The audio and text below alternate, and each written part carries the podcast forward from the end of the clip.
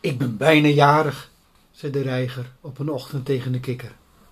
Oh ja, zei de kikker, die een eindje verderop aan het rietstengel heen en weer zwaaide.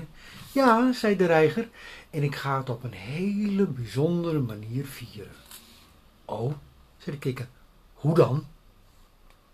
Nou, zei de reiger, dat houd ik nog geheim.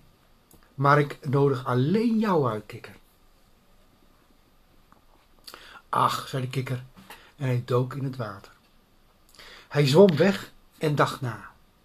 Het was, hij was wel nieuwsgierig naar de bijzondere manier waarop de reiger zijn verjaardag wilde vieren.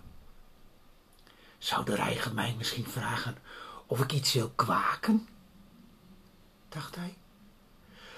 Dat wil ik wel. Hij kende nog iets heel moois wat hij nog nooit had gekwaakt. En wat zouden we eten? Dacht hij.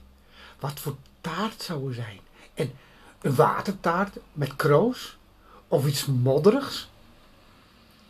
Waar zou eigenlijk uh, de reiger van houden? De krikker fondste zijn voorhoofd. Hij wist niet zeker waar de reiger het, het, het meest van hield. Maar plotseling herinnerde hij zich dat hij ook heel nieuwsgierig was naar de verte.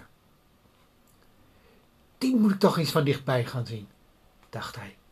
En terwijl hij nadenkend knikte en in zijn hals krabde, zwom hij verder. Op de ochtend van de verjaardag van de reiger was de kikker zo nieuwsgierig naar de verte dat hij al voor zonsopgang vertrok. Hij liet een briefje voor de reiger achter. Uh, beste reiziger, Ge reiger, gefeliciteerd met je verjaardag. Maar ik moest dringend op reis, naar de verte. De kikker. De reiger las het briefje en keek treurig uit over het riet en de rivier daarachter, die zachtjes kabbelde. Het werd een schrale verjaardag zo. Hij had met de kikker willen dansen en hij had hem veel plechtig willen beloven dat hij hem na zijn verjaardag nooit meer zou opeten. Hij trok zijn schouders omhoog en zuchtte. Zo stond hij roerloos en verdrietig urenlang zijn verjaardag te vieren tussen het bleke riet. En s'avonds, s'avonds laat kwam de kikker thuis. De verte was hem tegengevallen. Hij had hem van heel dichtbij bekeken met zijn neus er bovenop, maar iets bijzonders had hij niet gezien. Er is eigenlijk niks aan, vond hij.